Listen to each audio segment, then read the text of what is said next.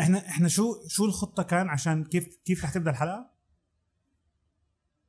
مش عارف. بس إحنا لازم كان في خطة المفروض ولا لا؟ عندنا مشكلة مفيش خطة. طيب معناها خلينا نعمل الحلقة اليوم عن التخطيط.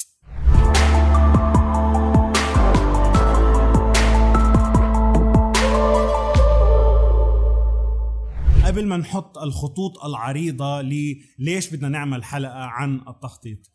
يبدو إنه إحنا مش موجودة في طريقة حياتنا المحيط اللي حوالينا مش موجودة في طريقة حياتنا إنه نخطط. فمثلا أنا واحد من الناس كنت دائما على يوم رأس السنة أو ليلة رأس السنة قبل بيوم بحب أسأل الناس اللي حوالي شو خططكم ل 2019 أو 18 أو 17 أو 20 وإلى آخره. طبعا 2020 ما حد خطط لها واضح جدا عشان هيك متبهدلين كلنا.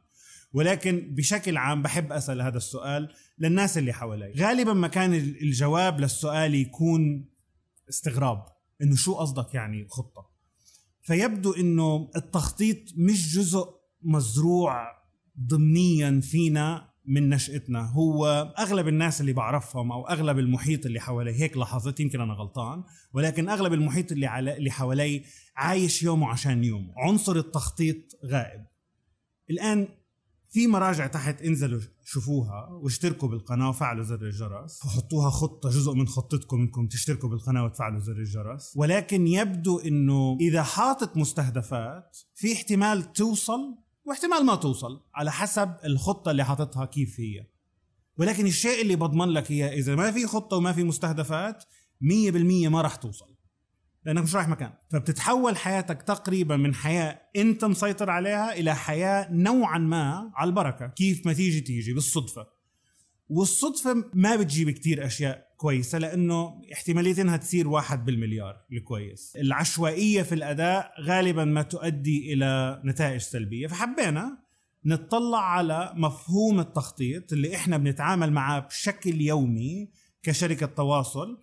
تشتغل مع شركات ومع حكومات وإلى آخره. حاولنا نطبقه ولكن من مفهوم الفرد يعني نطلع عليه من مفهوم الفرد.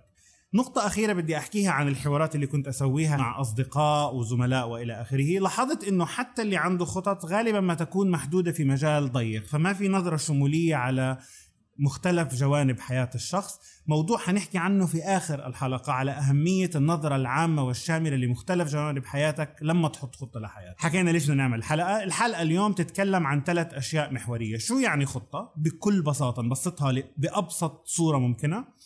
اثنين بدي أذكر الفرق ما بين الهدف والخطة. يعني الهدف والاستراتيجية الفرق بينهم مهم جدا عشان تقدر تحط خطة بصورة صحيحة. الشيء الثاني اللي بنحكي عنه اللي هو الخطوات اللي لازم تمر فيها لما تحط مستهدفات أو خطط.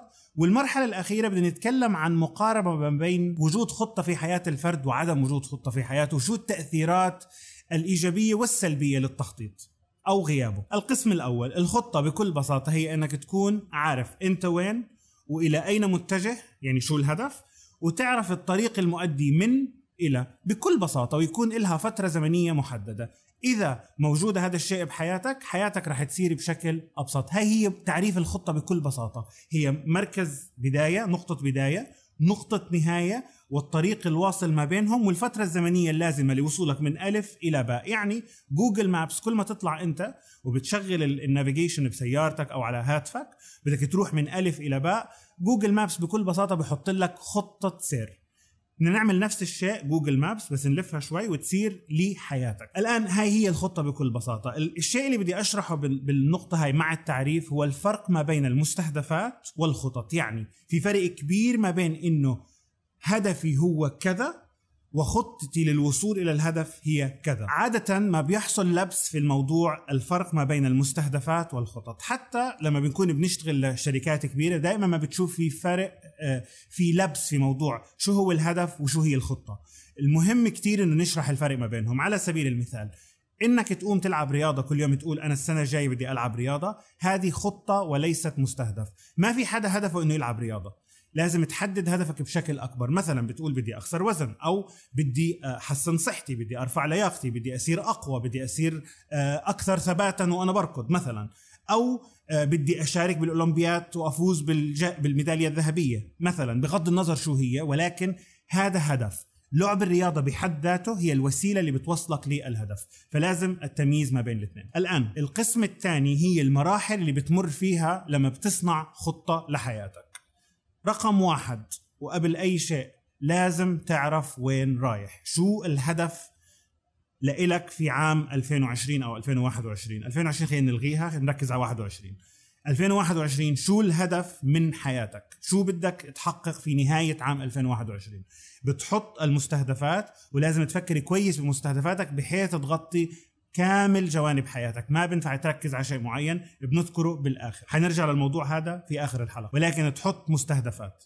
لما تحط المستهدفات بدك تعرف أنت وين موجود. على سبيل المثال بدي اصير مليونير بدي يصير معي مليون دولار مثلا. هذه هي نقطة النهاية. أول شيء لازم تعمله إنك تحدد وين أنت اليوم موجود. إذا معك 10 دولار بجيبتك فمعناها الفارق هو 9 مليون و999 ألف و990 دولار. وانت قطعت 10 دولار من هاي الرحلة. وضايل لك الرقم اللي كله تسعات واخره صفر. هاي المرحلة الأولى. عرفت انت وين؟ ولأين متجه. الآن خلصنا. ضل عندك الرقم. إيش بدك تحقق؟ الخطوة الثانية إنك تقيم الطرق المختلفة اللي ممكن توصل فيها من رحلة العشرة دولار إلى رحلة المليون دولار. الفرق بسيط خمس صفار بس مش أكثر الطرق متعددة. هل هناك طريقة واحدة بس إنك تعمل مليون دولار؟ لا. في طرق لا تعد ولا تحصى. بعضها مشروع بعضها غير مشروع بعضها بتوديك بداهية بعضها سريعة وبطيئة وإلى آخره. ولكن في النهاية في عندك مختلف الطرق إنك توصل من النقطة ألف إلى النقطة باء. لما تحط البلان لازم تقيم الطريق ما بين الاثنين نفس بالضبط نفس جوجل مابس. بيقول لك النقطة من النقطة ألف إلى النقطة باء. هون أقصر مسافة ممكنة ولكن في حادث في زحمة الخط كله أحمر حتاخدك ثلاث أيام لما توصل. في طريق أطول شوي ولكن فاضي المناظر أفضل وإلى آخره ممكن تاخده وتوصل أسرع.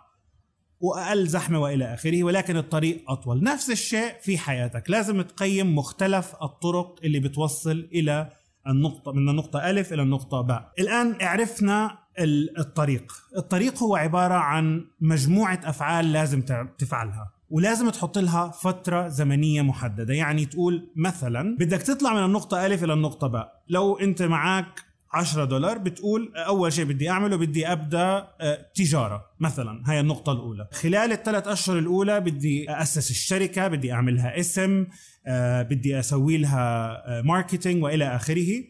وبدنا نحط مخطط إنه نشتري بضاعة ونجهز البضاعه ونعملها packaging ونبيعها اونلاين وإلى آخره. هاي خطتك.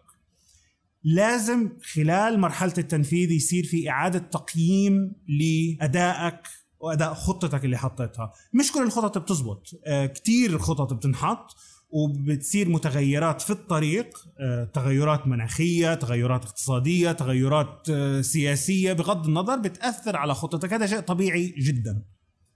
المهم إنك تعيد تقييم بحيث إنه بدأنا اليوم ب 10 دولار وبعد ثلاث أشهر وصلنا إلى نقطة بنطلع صرنا ناقص 330 ألف دولار. في عندك مشكلة بالخطة.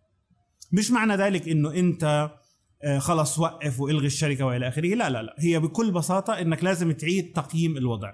ليش لازم تعمل تقييم كل فترة وفترة؟ لأنه إذا بعد شهر عملت خسارة 10000 دولار مثلا على آخر السنة حتكون الخسارة كتير أكبر. الآن بعض الخسارات بتكون محسوبة مسبقا. يعني مش كل تراجع هو غلط. ولكن لازم إعادة التقييم. خلال مراحل تطبيق الخطة لازم إعادة التقييم. نفس الشيء لما نطلع على الفتنس أو الرياضة.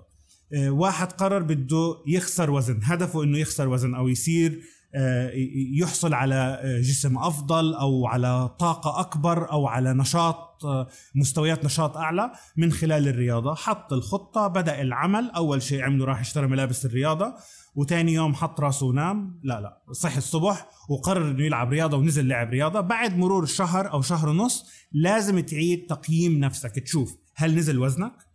هل زادت الكتلة العضلية؟ هل خفت الدهون في جسمك؟ إذا ما خفت مش معناها الرياضة غلط. هي معناها في شيء غلط بالخطة. لازم إعادة تقييمها لازم إعادة النظر إليها مرة أخرى. إعادة التقييم بتساعدك على إنك تعرف هل المستهدف صحيح هل الطريق اللي ماشي فيه هو الطريق الأمثل ولا لا. الآن هل ممكن تواجهنا مشاكل في تطبيق الاستراتيجيات أو الخطط اللي بتوصلنا لمستهدفاتنا؟ بكل تأكيد. ما في طريق ما في مطبات. ولا في نقطة من الألف إلى الباء بتمشي فيها بالدفع الذاتي. لازم إنك تتحرك وتواجه أشياء وتتغلب عليها. هذا شيء طبيعي جدا. أأمن طريقة إنك تبعد عن المشاكل هي إنك ما تتحرك أبدا. سكر على حالك بيتك اقعد فيه وأنا بضمن لك مئة بالمئة ما حتواجه أي مشكلة. إلا واحدة. هي إنك عمرك ما حتوصل لشيء مخطط له. كل المشاكل لها حلول. حتى اللي حكينا عنه قبل شوي اللي بدأ يلعب رياضة أو اللي بدأ برحلة جمع المليون دولار ولقى حاله بناقص 200 ألف دولار نفس الشخص هذا عنده مشكلة مشكلة كلها إنه قد يكون متجه بالاتجاه الغلط يعني عم بميل يمين أو شمال أو راجع لورا شوي مش مشكلة عم بتحرك. المشكلة اللي ما إلها حل صدقا ما إلها حل إنك تضل قاعد إنك داخل في مرحلة غيبوبة. نهارك مثل ليلك مثل ظهرك مثل عصرك ما في أي تغيير. هاي هي فعلا اللي ما في استراتيجية بتحلها. أغلب الحالات اللي بتقاطع معها فيما يتعلق بموضوع عدم الإنجاز تتلخص بالتالي. واحد مش عارف شو أهدافه أو ما عنده أهداف أو ما في شيء بيعمل من أجله. اثنين ما في تخطيط. بيصحى الصبح كيف الدنيا عم تاخده؟ الهواء وين بشيله؟ المي وين بتزقه؟ الدنيا وين بتحطه؟ بروح. أما خطة معينة أو هدف يعمل من أجله أو شيء شغف هو بدور عليه مش موجود. عشان نتفادى هاي الأمور المعادلة جدا بسيطة. هدف خطة وعمل هاي الثلاث أشياء الرئيسية. خلي عندك هدف. حط خطه كيف توصل لهدفك وبغض النظر شو بصير لما تطلع الشمس خليك ضلك أركض. لازم تركض. إذا ما ركضت ما راح يتغير شيء. والوقوف ما له أي حل. هدفك غلط بتصحح. استراتيجيتك غلط تتصحح. ولكن إذا ما تحركت ما في شيء بتغير هذا الشيء الوحيد اللي بضمن لك إياه. القسم الثالث شو هي الآثار الجانبية لغياب الخطة؟ في واحد اسمه ابراهام لينكولن أحد رؤساء الولايات المتحدة الأمريكية من أوائلهم. قال الآتي قال لو أعطيتني ست ساعات أقطع شجرة رح أقعد أربع ساعات أحمي الفاس قبل ما أقطعها. يعني بكل بساطة رح يقعد أربع ساعات يجهز لقطع الشجرة. أتوقع هذا بيلخص شو هو فوائد التخطيط. المشكلة إنه ممكن تقطع الشجرة من غير ما تحمل الفاس ولكن قد إيه الجهد والطاقة والوقت اللي رح ياخذك بقطع الشجرة هو أكبر بكتير من إنك تقعد أربع ساعات تجهز نفسك إنك تقطع الشجرة بأفضل طريقة وأسرع طريقة ممكنة. وهي قيمة التخطيط. غياب التخطيط بدي أحكي عن نقطتين تنتين. الأولى هو غياب الأهداف. غياب الأهداف آثاره الجانبية حتكون كالتالي إنك بتصحى الصبح مش عارف شو عندك أو مش عارف لوين متجه. هي تماما هيك. ما تعمل شيء لأنه ما في شيء بدك إياه فأنت قاعد. ما في خطة ما, ما في ما في هدف تعمل له هذا غياب الأهداف. وجود الأهداف وعدم وجود الخطط أثره واحد ما في غيره. لما يكون عندك هدف وهدف كبير وانت فعلا نفسك فيه وبدك إياه وبدك توصل لعنده ولكن ما في خطة. اللي رح يصير بعد أسبوع بعد شهر بعد سنة أو 30 سنة حتوصل لمرحلة اليأس. لأنه أنا تقريبا بضمن لك إنك ما رح توصل. غياب الهدف معناها ما في عمل عدت هدف وما في خطة معناها يأس. يعني ما رح توصل. بكل بساطة. كثير منا بحط حياته برسمها ولكن بتطلع عليها من منظور واحد فقط. بيقول خطتي في الحياة أو أملي في الحياة إنه بدي السيارة الفلانية والمنزل الفلاني والحياة الفلانية. وبيرسم رسمة كاملة متكاملة ولكن من منظور واحد فقط اللي هو العائد المادي أو المستهدف محصور في الناحية المادية. اللي بيصير في الحالات هاي إنه كتير في ناس بتلاقيهم لما بيوصلوا بيطلعوا بيكون جهز حياته بما يتناسب مع الصورة اللي تخيلها فيها ولكن من منظور واحد لما بيوصل على بيت جميل وسيارة جميلة وحياة كما كان يتخيلها أكثر من رائعة بتطلع حواليه وبيلاقي إنه ما في حد معه عشان يستمتع بالحياة هاي اللي تنقص منها كتير شو القصة؟ هي بس عم بعقد الأمور بدي أحكي بكل بساطة إنه لما ترسم خطة حياتك وتحط مستهدفاتك حاول تغطي بقدر الإمكان مختلف جوانب الحياة المهمة بالنسبة لك يعني تطلع على أول شيء أسرتك. اللي هي أهم عنصر بغض النظر شو النجاحات اللي حتحققها ماديا ولا الشركات اللي رح تفتحها ولا وصلت القمر لوحدك. يعني لأغلب الناس أنا عن نفسي بقول لك لا معنى لها. إذا بتوصلها من غير الناس اللي بيهموك حواليك. طلع على صحتك. كثير مهمة كثير ناس تعبوا واشتغلوا. ولما حقق أهدافه المادية طلع لقى صحته انتهت تماما. آه وفي ركزوا كثير على كمان حياة الأسرة والصحة ونسيوا المادة. فكمان وصل لمرحلة إنه أوكي صحته منيحة وأسرته حواليه بس معوش ياكل. التوازن قد يكون من أهم الأشياء اللي لازم تنظر لإلها لما بتحط مستهدفاتك وقبل ما ترسم خطتك. عشان لما توصل على المكان اللي بدك توصل عليه توصل زي ما انت بدك. خذ وقت فكر بأهدافك بقدر الإمكان وخططها صح وارسمها صح بحيث لما توصل توصل على المكان بالصورة اللي انت بدك توصل فيها. آخر شيء آخر شيء. ممكن وانت بتنفذ خطتك تلاقي حالك ماشي بالطريق الغلط تلاقي إنه المستهدفات اللي تعمل تجاهها اللي رايح باتجاهها ما زبطت. يعني بتوصل مثلا بتقول إنه أنا اليوم المفروض قطعت نصف الطريق وتطلع تقيم الوضع الحالي تلاقي إنه مش زي ما أنت كنت متخيل أو مش هو اللي بتبحث عنه. مش مشكلة عادي. كل الموضوع هي إعادة ترتيب أمورك إعادة جمع صفوفك عشان تقدر تكمل في مشوارك. الخطر الوحيد اللي ما في خطة في العالم تقدر تتعامل معاه إنك تضل واقف. فخليكم شغالين إلى الأمام. آه، خطتكم جاهزة. مستهدفاتكم واضحة متزنة متوازنة وإن شاء الله كلكم بتوصلوا هناك. نشوفكم هناك. نراكم.